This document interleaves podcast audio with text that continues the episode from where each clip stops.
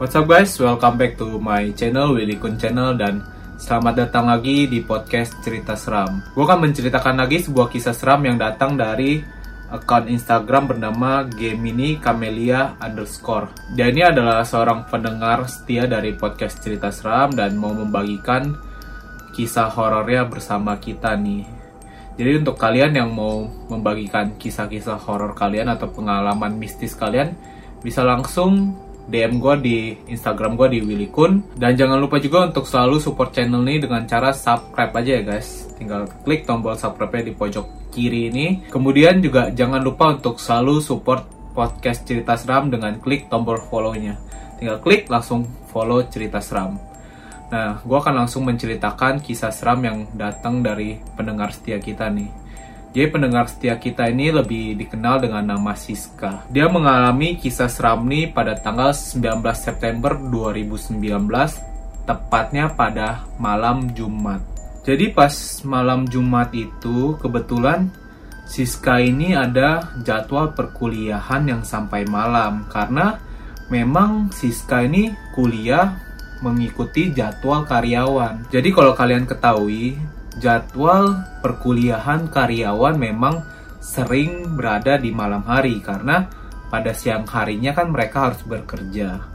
Nah, pas kejadian itu memang Siska ini pulang di malam hari dan dia ini menggunakan kendaraan sepeda motor. Nah, jadi pas dia udah menggunakan kendaraan sepeda motor itu, akhirnya Siska pun pergi ke area parkiran motor nih. Pas dia berada di area parkiran motor, suasana di parkiran motor itu biasa aja. Dia nggak merasakan ada gangguan apa pun dan Siska pun pulang menggunakan jalur yang seperti biasanya dia lalui nih. Nah kemudian dia melewati satu area yang sebenarnya sih dia udah sering lewat yaitu di mana di sebelah kanannya ini ada aliran kali dan di sebelah kirinya ini ada perkebunan atau kebun yang kosong. Nah, di situ suasananya sangat gelap, tidak ada lampu sama sekali. Jadi ketika Siska ini melewati jalan itu, dia mendengar suara samar-samar kayak uh, kokokan atau bunyi anak ayam gitu. Jadi sebagai informasi aja, sebenarnya Siska ini sangat sensitif dengan suara anak ayam. Jadi dia nggak suka bunyi anak ayam yang cit, cit, cit, cit, cit gitu. Dia ngerasa kalau ngedenger hal itu, dia ini jadi nggak nyaman. Nah karena Siska ini nggak nyaman, tapi dia masih berusaha untuk fokus mengendarai sepeda motor ya. Jadi dia lewati jalan yang cukup gelap itu kemudian dia juga melewati jalur yang berikutnya yang biasa dia lalui rupanya memang keadaannya itu masih cukup ramai lah jadi dia masih bisa tenang dan memfokuskan dirinya untuk mengendarai sepeda motornya tapi di mana sampai dia ini melalui satu jalan yang cukup sepi di situ udah kira-kira pukul 9 dia melewati satu tempat yang rupanya ini adalah sebuah gedung sekolahan SD. Nah, di depan gedung sekolahan SD itu terdapat sebuah pohon besar, mungkin seperti pohon beringin. Nah, samar-samar dia ngelihat dari kejauhan ada seorang anak laki-laki yang umurnya ini kisaran umur 7 atau 8 yang masih pakai seragam SD tapi dia sendirian aja di depan pohon itu. Nah, pas dia ngeliat hal itu, dari kejauhan dia masih berpikir positif, oh, ini cuma anak kecil SD, mungkin dia lagi nungguin orang tuanya nih. Jadi dari kejauhan itu Siska pun masih melaju dengan kendaraan bermotornya. Nah, ketika dia tepat di depan pohon itu, lampu dari motor ini kan nyorot ke depan pohon ini nih. Jadi otomatis kena di depan anak kecil ini dong. Nah, setelah Siska amati lebih teliti, rupanya anak kecil nih ekspresinya sangat aneh. Jadi kok biasanya kita ngelihat anak kecil itu ekspresinya mungkin ceria, anak kecil nih ekspresinya cenderung tidak memberikan respon apa pun. Dan kemudian pas dia lihat tepat di depan mukanya anak kecil ini, anak kecil ini mukanya sangat pucat. Jadi karena Siska melihat hal itu, oh jangan-jangan nih penampakan. Tapi karena Siska sendirian aja di situ, dia nggak memberanikan diri untuk mengecek hal ini lah. Jadi dia tetap mencoba untuk fokus mengendarai kendaraannya dan melewati anak kecil itu. Kemudian setelah Siska ini melewati pohon besar itu, dia sampai di satu tikungan di mana di depan tikungan ini ada tempat pemakaman umum. Jadi ketika Siska ini melewati tikungan itu, tiba-tiba dia merasakan setang motornya ini kok berat ya. Nah, Siska ini masih coba berpikir positif. Tapi semakin mendekati arah kuburan itu, Siska merasakan bahwa di jok belakangnya ini seperti ada seseorang yang lagi duduk. Tapi di situ, seperti yang kita tahu, Siska kan tadi pulang sendirian.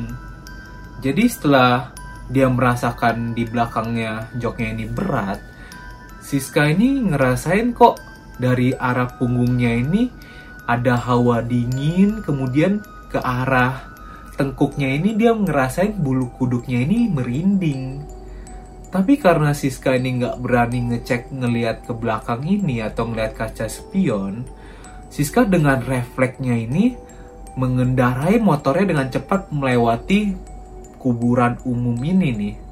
Nah, setelah dia melewati kuburan umum, rupanya tiba-tiba kayak jok belakangnya ini ada yang turun, tapi pas dia masih memacu kendaraan bermotornya ini nih, jadi tiba-tiba berat yang tadi dia rasakan itu hilang dan rasa merinding dan rasa dingin di belakang motornya ini hilang begitu aja setelah dia melewati pemakaman itu.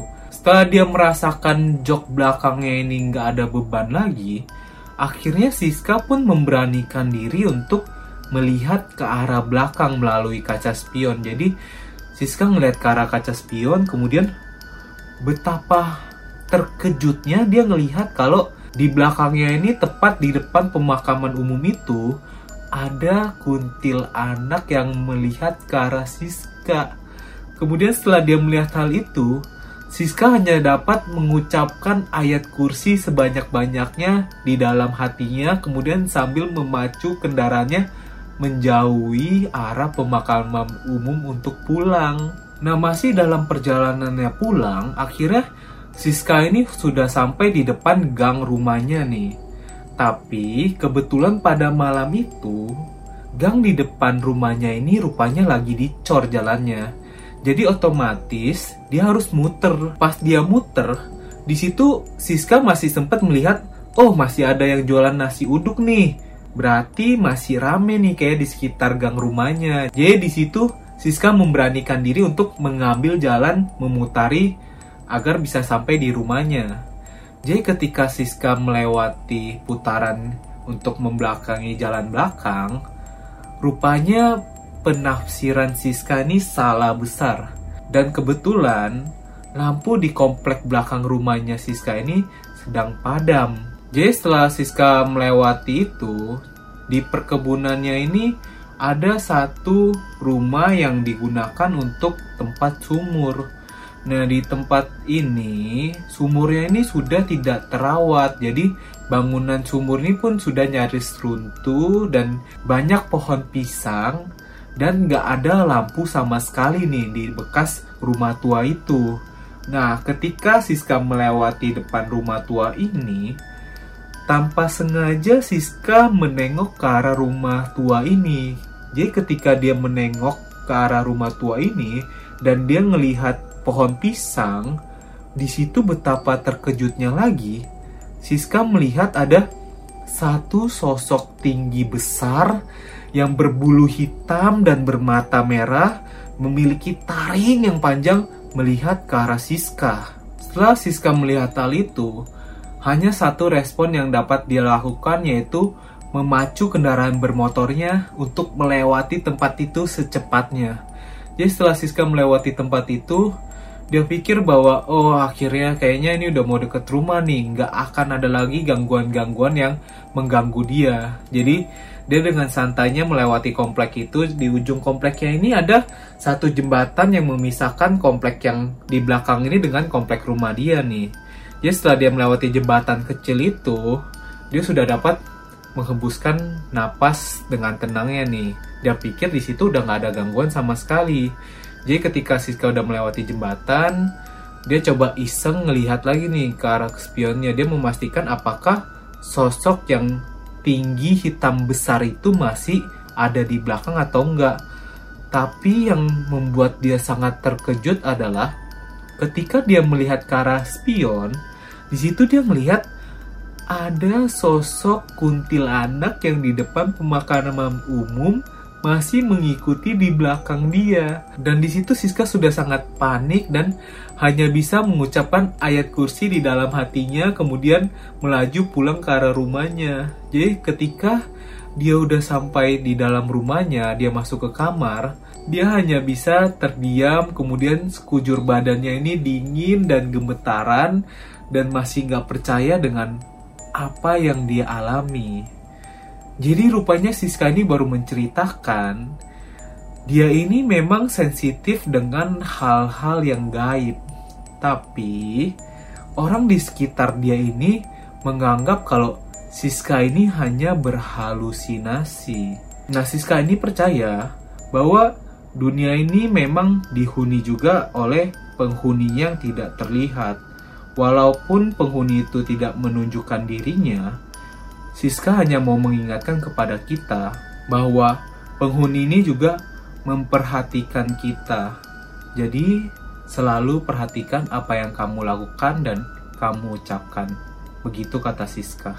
Itu dia guys, cerita dari Siska. Semoga bisa menemani malam kalian, menemani hari kalian, dan bermanfaat. Jadi itu dia guys, cerita malam ini. Thank you for watching this video and see you in the next video.